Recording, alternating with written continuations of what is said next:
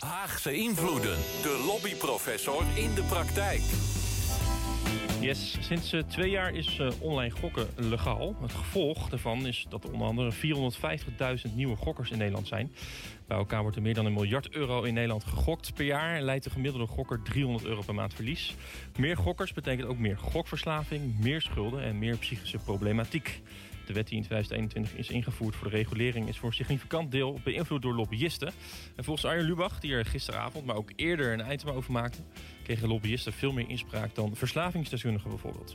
Gokreclame is een groot maatschappelijk debat, ook hier in Den Haag, nog steeds. En het huidige kabinet heeft ook ingegrepen... en heeft per 1 juli dit jaar gokreclames op tv en op straten verboden. Toch is het kwaad al geschiet en heeft juist regulering op gokken via de wet... de goksector goud in handen gegeven. In hoeverre bestaat er een verschil in het behalen van lobbysucces... rondom online gokreclame-regulering... tussen stakeholders met publieke belangen en private belangen? En welke rol speelt framing daarbij? Dat was de onderzoeksvraag in de scriptie van Eva Bergman. Samen hier met uh, hoogleraar Public Affairs uh, Arco Timmermans... bespreken we het antwoord op die vraag. Goedenavond allebei. Goedenavond. Oh. Wanneer hebben jullie voor het laatst gegokt? ik moet zeggen dat ik het wel voor mijn onderzoek een paar keer heb geprobeerd. Uh, ja, wat heb je geprobeerd? Ja, op een gegeven moment was er een actie volgens mij van Holland Casino... dat je een bepaald tegoed kreeg. En dat mocht je dan testen. En dan was er een soort hack die heel veel studenten hebben uitgevoerd eigenlijk. Ja. Waarbij je dan um, ja, gratis geld kreeg om in te zetten. En als je dan bepaalde spelletjes deed, dan had je een soort van vergoeding... dat je zeker wist dat de verdubbeling in ieder geval dan mm -hmm. gegarandeerd zou zijn. Ja, ja. En uh, als je iets... Ik heb het wel daarbij kunnen laten. Maar ja. ik kan me ook voorstellen dat dat niet voor iedereen uh, het geval is. Ja, want we spraken elkaar net al. Toen zei je, ik zie in mijn omgeving ook wel dat het echt wel iets is toegenomen. Hè? Ja, ja vooral in de coronatijd denk ik ook wel dat veel uh, nou, studenten is dan vooral mijn omgeving thuis zaten. En ehm, ja, zich daarmee hebben ingelaten. Ik moet ook zeggen dat ik ook wel weet dat een paar vrienden van mij bijvoorbeeld ook op een eerste date dan bijvoorbeeld naar een Holland Casino gaan. Oh ja? En Tegenwoordig dan, als eerste date? Ja, ja, het is, wel een, leuk, ja. het is een leuke combinatie wat, wat, van een spelletje doen en een drankje erbij. Ja, smoking aan. ja. ja. Oké, okay, maar wat voor, wat voor gokdingen doen zij dan? Uh, die, die vrienden of de mensen om je heen? Het is vaak online, denk ik. Ja, ja nou ja, natuurlijk um, voetbal, spellen. Ja. Um, ja, het kan, het kan over van alles gaan. Je ziet het ook eigenlijk overal nu. Uh, bij Sofie en Khalid zag ik ook inderdaad een voorbeeld van... Mm -hmm. Van een jongen die eigenlijk precies hetzelfde dacht. Van nou, het begon eigenlijk bij, uh, bij een casino. En uh, nou, daar ging het best wel goed. En dan ga je thuis googlen van nou, kan ik het ook thuis doen? Want dat is eigenlijk nog veel makkelijker. Nou, en daar zijn tegenwoordig twintig vergunde bedrijven voor ja. in aanmerking gekomen. Ja. Arco, wanneer heb jij voor het laatst... Uh... ik, uh, ik heb alleen maar geluk bij dingen waar ik zelf invloed op heb. En gokken is daar niet een onderdeel van. Kijk. Uh, dus, en vroeger was gokken niet alleen verslavend en niet zo goed voor je portemonnee... maar was ook nog eens een keer dubieus vanuit een moreel perspectief. als je teruggaat in de tijd, de kansspelen, wetgeving... Daar hadden de christelijke partijen destijds heel ijzeren greep op. Dat is allemaal compleet, maar dan ook compleet veranderd. Uh, dus uh, ja, wat dat betreft uh, is het scriptieonderwerp van Eva iets in het teken van de tijd, denk ik. Ja. Ja, daarover gesproken, wat heb je onderzocht? Hè? Ik noemde, ja. las net je, je onderzoeksvraag voor, maar het gaat voornamelijk over die lobby ook ja. op die wet die in 2021 is aangenomen. Kan je misschien iets beginnen met, met de wet? Welke wet is dat? Um, ja, de wet die is, uh, die is uh, aangenomen is de wet kan spelen op afstand. Het is eigenlijk heel interessant, want eigenlijk vanaf de jaren 60 was er eigenlijk maar één wet. Um, die de kansspelen reguleerde. En nou ja, je kan je wel voorstellen dat vanaf de jaren 60 er heel wat is veranderd. Er zijn uh, ten eerste dus zijn er heel veel online buitenlandse goksites ja. bijgekomen. En er waren eigenlijk helemaal geen regels voor, dus daar was ook geen toezicht op. Dus het is eigenlijk wel heel logisch dat... Uh, dat er een reactie op kwam vanuit het kabinet van nou hier moeten we wat mee. En vanuit de Kamer van nou misschien moeten we dit gaan reguleren. Dus die plannen die lagen er volgens mij al vanaf 2011. En dat is nu eigenlijk pas in 2021 dan in de wet COA um, ja, tot stand gekomen. Ja, met een K in dit geval. Niet met een C. Nee, ja, nee, ja, een heel ander onderwerp. Precies, Ja. En, maar er was dus een, een, een behoefte aan meer regulering. Ja. Um, en, uh, en wat was de reden eigenlijk voor meer regulering? Dat je dan meer onder controle kan krijgen als overheid? Um, onder andere, maar uh, het is natuurlijk ook zo dat op het moment dat je in het buitenland gokt... Um, dat dan ook de winsten naar het buitenland toe gaan.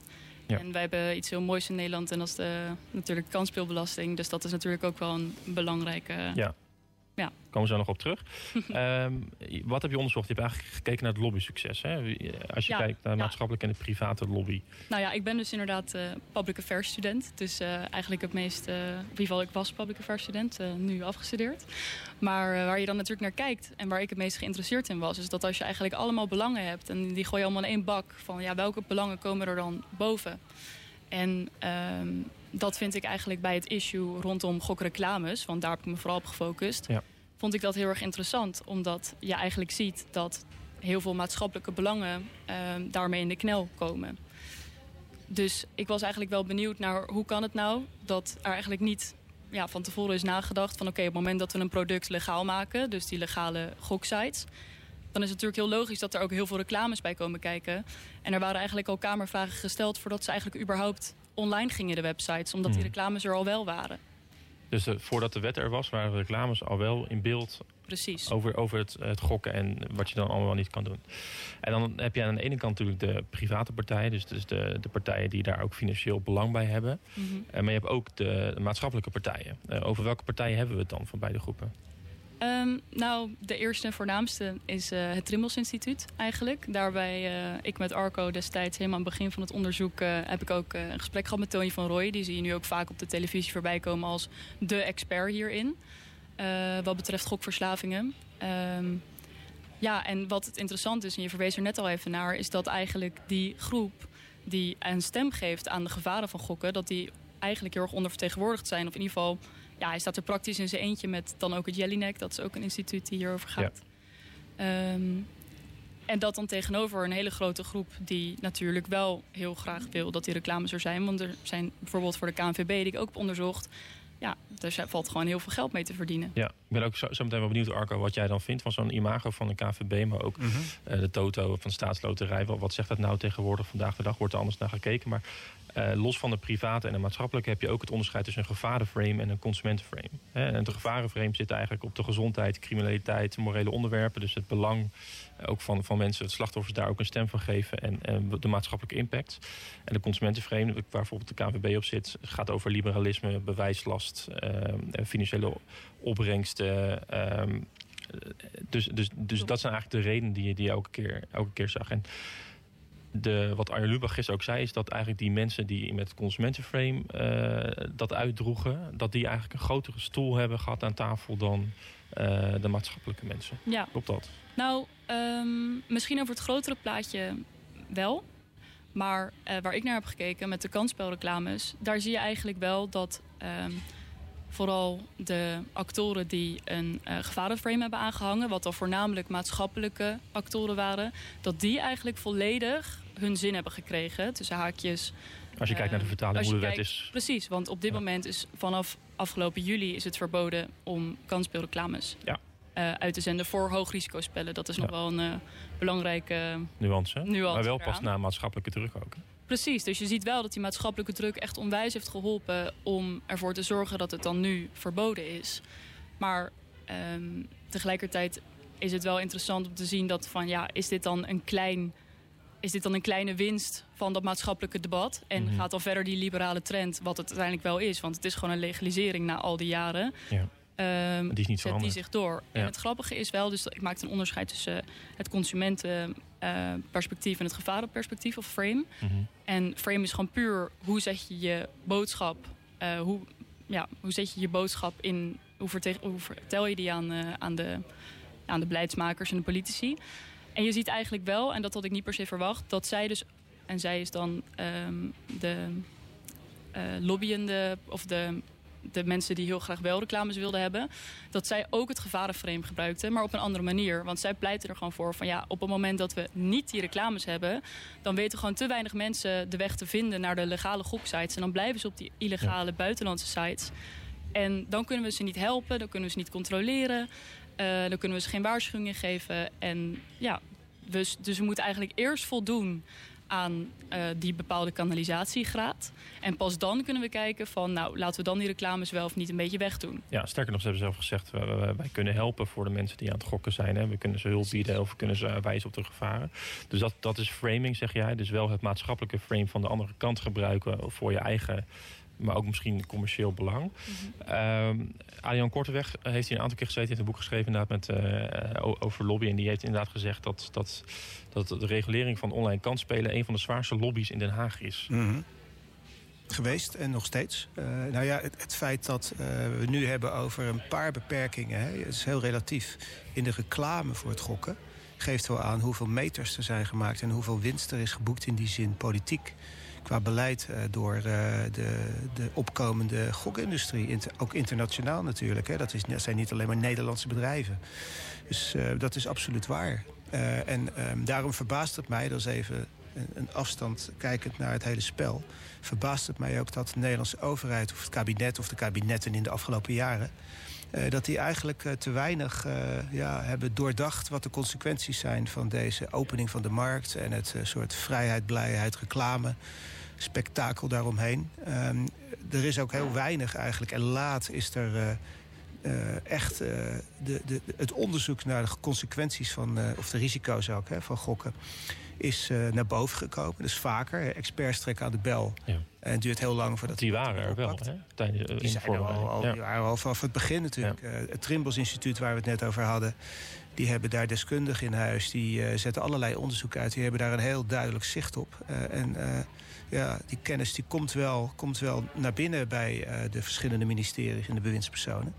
Maar vervolgens vertraagt het effect daarvan... en zie je dat er alsnog uh, succes uh, door andere spelers wordt geboekt. En dat verklaart waarom we in Nederland nog steeds... ondanks die beperking in de reclame... een heel liberaal gokbeleid hebben. Ja. En dat het probleem, want is het nou een collectief goed... of is het een collectief kwaad, hè, dat gokken? Dat dat probleem eigenlijk best moeilijk beheersbaar is geworden. Waarschuwen experts. Ja, want, want jouw bevinding is eigenlijk dat, dat op basis van je onderzoek kan worden vastgesteld... even dat de stakeholders met publieke belangen dus bijvoorbeeld een Trimmels Instituut in die zin hebben gewonnen omdat ja, gewonnen is misschien een verkeerd woord, maar succes hebben behaald. Omdat alles wat, wat zij hebben aangedragen meegenomen is in de wet. Tegelijkertijd is die wet er wel gewoon en zien we daar de schade van. En wat Arco zegt, er is eigenlijk gewoon. Er waren wel genoeg mensen die zeiden van experts dat had je niet moeten doen. Of, of er zijn gevaren aan, maar toch is het er zo. En we hebben, zo hebben we nog meerdere discussies. Hè. De legalisering van drugs is ook nog een, een maatschappelijk vraagstuk waar we, waar we maar niet uitkomen. Dus kun je nog steeds zeggen op basis van wat je dan vandaag ziet... Uh, dat het maatschappelijk succes eigenlijk gewonnen heeft van, van de lobby? Of kun je eigenlijk gewoon zeggen dat, dat het maatschappelijke toch wel is ingehaald in, ja, door uh, commercieel succes? Ik moet zeggen dat ik wel juist op het gokreclamegebied zie... dat de maatschappelijk belang zeker uh, met de aas er vandoor is gegaan... zoals ik dat ja. in mijn scriptie dan noemde. Um, het is namelijk zo dat eigenlijk voordat de resultaten van... oké, okay, hoeveel spelers zijn er nou echt bijgekomen... en hoeveel daarvan zijn jonger dan 18 of jonger dan 24... Um, zelfs daarvoor had eigenlijk al uh, minister uh, Weerwind uh, al toegezegd van... nou, we gaan het verbieden. Dus in die zin nou, hebben ze het heel erg goed voor elkaar gekregen. En... Maar dat, dat is er wel geweest eerst. Dus eerst mocht het en daarna mocht het, heeft het weer verboden. Dus er is niet goed over nagedacht. Ja, je dus zou kunnen zeggen dat um, dat het kwaad al geschied is. Ja. Ja. Nou ja, want, want dat is ook met het belang van... Uh, lukt, het, uh, me, lukt het maatschappelijke organisaties voldoende... in het huidige klimaat van, van de politiek waar we nu in zitten... om hun boodschap die voorspelbaar is, misschien uh, wat saaiig is... maar altijd weer uitkomt op, op, op het ene dat het, dat het gevaar is voor de gezondheid... lukt het hen nog om voldoende invloed uit te oefenen? Goeie vraag, ja. Uh, nou ja, als je het hebt over de routes om invloed uit te oefenen... dan zie je, dat was vorig jaar ook al zo... dan zie je duidelijk een opkomst van het activisme. Hè? Uh, milieubeweging uh, is ook activistischer geworden. Die hebben altijd wel een soort activistische harde kern gehad. Maar we hebben ook meegemaakt dat Greenpeace... als een van de, zeg maar, de oudere NGO's op het terrein van milieu... ook op een gegeven moment mee is gaan onderhandelen over het klimaatakkoord... en eerder energieakkoord. Uh, maar je ziet duidelijk een tendens naar meer activisme... Uh, waarmee ook uh, de belangbehartiging confronterender wordt.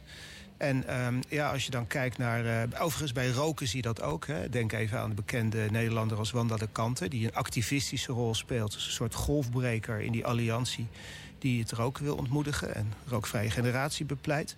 En bij gokken zie je dat eigenlijk nog weinig. Er zijn weinig boegbeelden nog voor. De, de boegbeelden die we hebben gezien, dat zijn degenen die niet meer in die spotjes ja, van reclame aan de andere kant, hè, maar die hadden een ander verhaal. Ja. Ehm, dus er is nog wel wat te winnen. Ehm, en je wint overigens, het, het, het lobbyen win je nooit alleen maar met kennis en, uh, en deskundigheid. Dat is misschien jammer. Maar er is meer nodig uh, om uh, in de politiek en ook in de richting van de maatschappij daar echt uh, zeg maar een, een, onderwerp naar je hand te kunnen zetten. Daar heb je meer nodig dan deskundigheid. Want wie valt het aan te rekenen? Want, Lubach zat gisteravond heel erg op ja, de, de, de lobbyisten aan, aan de kant van de, de commercie en aan de kant van uh, het consumentenkant. die hebben eigenlijk gewonnen, want die hebben heel veel inspraak gehad als het gaat om die wet en, en de reclames daarvoor. Um, maar je kan ook zeggen, ja, er zijn eigenlijk uh, heel veel verliezers... doordat mensen uh, wat meer gaan, zijn gaan gokken. Mm. Uh, is dat een fout van de politiek? Of, of kun je ook een lobbyist verwijten dat hij... ondanks zijn consumentenframe maatschappelijk een negatieve impact heeft gedaan. Al dan wel niet bewust of onbewust. Je bedoelt vanuit de gokindustrie? Ja. Kun, nou ja, kun je, kun je, kun je lobbyisten hier ter verantwoording voor? Uh, nou, ik, ik denk in het algemeen, dat is sowieso ook wel een onderwerp wat actueel is. Ik denk in het algemeen dat bedrijven uh, te maken hebben met een maatschappelijke reputatie. Dat geldt voor uh, Shemour, door de ja. rechter nu. Dat geldt voor heel veel bedrijven. En het is ook helemaal niet slecht. Bedrijven functioneren ook midden in de maatschappij. In de public affairs wordt dat een niet-marktomgeving van het bedrijfsleven genoemd. Terwijl bedrijven van nature in de markt opereren. En dat wordt gewoon steeds belangrijker. Dus daar is nog wel een wereld te winnen. Op sommige onderwerpen zie je dat dan activisten en, en, en, maatschappelijke organisaties best wel veel greep hebben op framing en op de besluitvorming en ook toegang krijgen. Mm -hmm. En bij andere onderwerpen is daar, nog, uh, ja, is daar nog een strijd te voeren, zou je kunnen zeggen.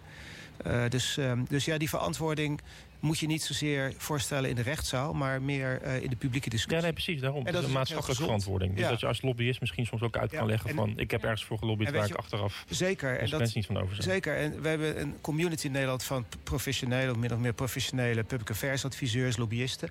Maar misschien beter dan achteraf verantwoorden... is om uh, wat meer vooruitdenkend te zijn en je verantwoordelijkheid te pakken. En dat kun je doen als je een public affairs adviseur bent. Jij werkt bij een van de grotere kantoren. Even, uh, ja. Kun je dat doen door uh, ook de antenne uit te schuiven naar de maatschappelijke omgeving. Ook als je het bedrijfsleven of andere organisaties, overheden, kunnen erover meepraten als je die adviseert, uh, adviseert. Is dat ook een les die jij hieruit hebt getrokken, Eva?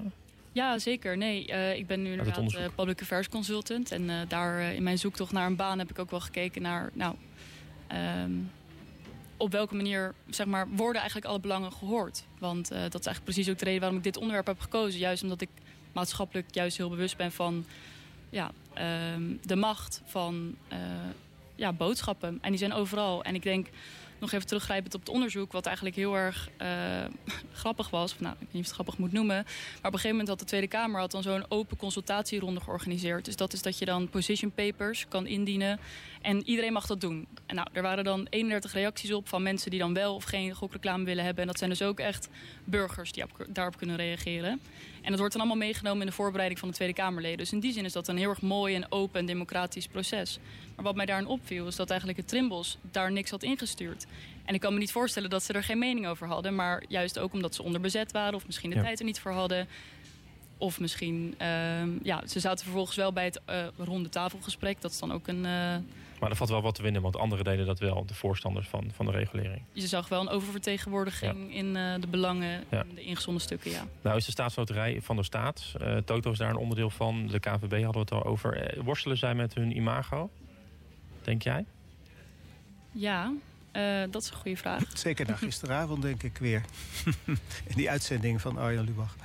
Ja. Ja, die reputatie en imago. Uh, ik denk dat, uh, bedoel, daar valt heel veel te verliezen hoor. Door, uh, door, ook door semi-overheidsbedrijven. Nederland heeft altijd een sterke greep gehad op, het, op de kansspelensector. Dus, dus ook een dubbele rol. Hè? Er is ook een dubbele rol in. Dat is hetzelfde als accijns op dingen die ongezond zijn. Ja, aan de ene kant wil je zaken ontmoedigen. Aan de andere kant levert het wel inkomsten op. Dat is altijd een dubbele rol. Want je had het over de Prinsjesdagbegroting, hè, Eva? Klopt. Ja, in de Prinsjesdagbegrotingen viel mij in ieder geval op dat, uh, dat uh, ze er tot en met 2028 van uitgaan dat de inkomsten uit de kansspelbelasting ontzettend gaan stijgen. En uh, dat is niet omdat de kansspelbelasting wordt verhoogd, maar meer omdat ze dus verwachten dat het aantal gokkers blijft toenemen. Ja, het kabinet gaat daarvan uit en profiteert daar dus ook van. Precies. Ja. Tot slot, wat is dan nu de conclusie? Als je dit, naar dit onderzoek, maar ook als je kijkt naar het maatschappelijk debat. Ja, de conclusie voor mij is dat uh, de, maatschappelijk nou, maatschappelijke druk heel veel kan. En ehm, ja, ehm, in die zin is het wel heel belangrijk om te kunnen blijven kijken en uitzoomen naar het grotere plaatje. Van oké, nou fijn voor uh, de mensen die tegen gilkreclames waren dat ze dat, die strijd, die mini-strijd dan hebben gewonnen. Ja. Maar laten we wel kijken naar wat is er nog meer aan de hand. En die grotere trend van toch wel de liberalisering van, die, van het online gokken. Ja, ja. Kan, het, kan het ook samen gaan of niet? Of zijn het echt twee tegenpolen van elkaar? Nou, ze gaan moeilijk samen. Uh, en waar, staan we? Ik denk dat we nog wel een weg te gaan hebben... als je bijvoorbeeld ook de, het beleid en het lobbyproces op gokken vergelijkt... met die andere verslavende activiteiten die we al veel langer kennen. En ook nog veel omvangrijker zijn natuurlijk. Hè. Uh, denk ik dat ehm, de toekomst moet laten zien of er naast de usual suspects... bekende kennisinstellingen en het bedrijfsleven... ook nog andere spelers zich mobiliseren of, of, of in een coalitie samen gaan werken om uh, op meer fronten uh, het onderwerp onder de aandacht te brengen. En uh, alleen de route van de deskundigheid, dat ontdekken deskundigen trouwens zelf ook wel... dat is niet meer voldoende om invloed te hebben. En je ziet dat bij rook en alcohol. rook is een bekend voorbeeld natuurlijk. maar bij alcohol zie je dat ook. Dat is ook een onderwerp, daar is het een beetje 50-50. Het gevarenframe en het consumentenframe. Reclames over dranken, die zijn er ook allemaal nog gewoon. Maar je ziet toch ook wel een aantal voorbeelden van sterke problematisering. Hè. De jongeren die drinken. Uh, en dan heb je gebeurtenissen, zoals een kliniek die er is... bij het Reinier de Graaf ziekenhuis in Delft... waar jongeren soms uh, compleet uh, van de wereld worden binnengebracht. En dat zijn beelden die wat doen met mensen. Ja, en die mogen wel meer naar voren. En bij gokken zie je dat nog niet zo. Het is ja. nog een beetje een verborgen wereld. Ja de verborgen wereld meer zichtbaar maken. En dat is denk ik een, een van de lessen uit uh, het interessante onderzoek van jou, Even Bergman. Dankjewel. Arco Timmermans, public affairs, hoogleraar hier ook weer aanwezig. Dankjewel.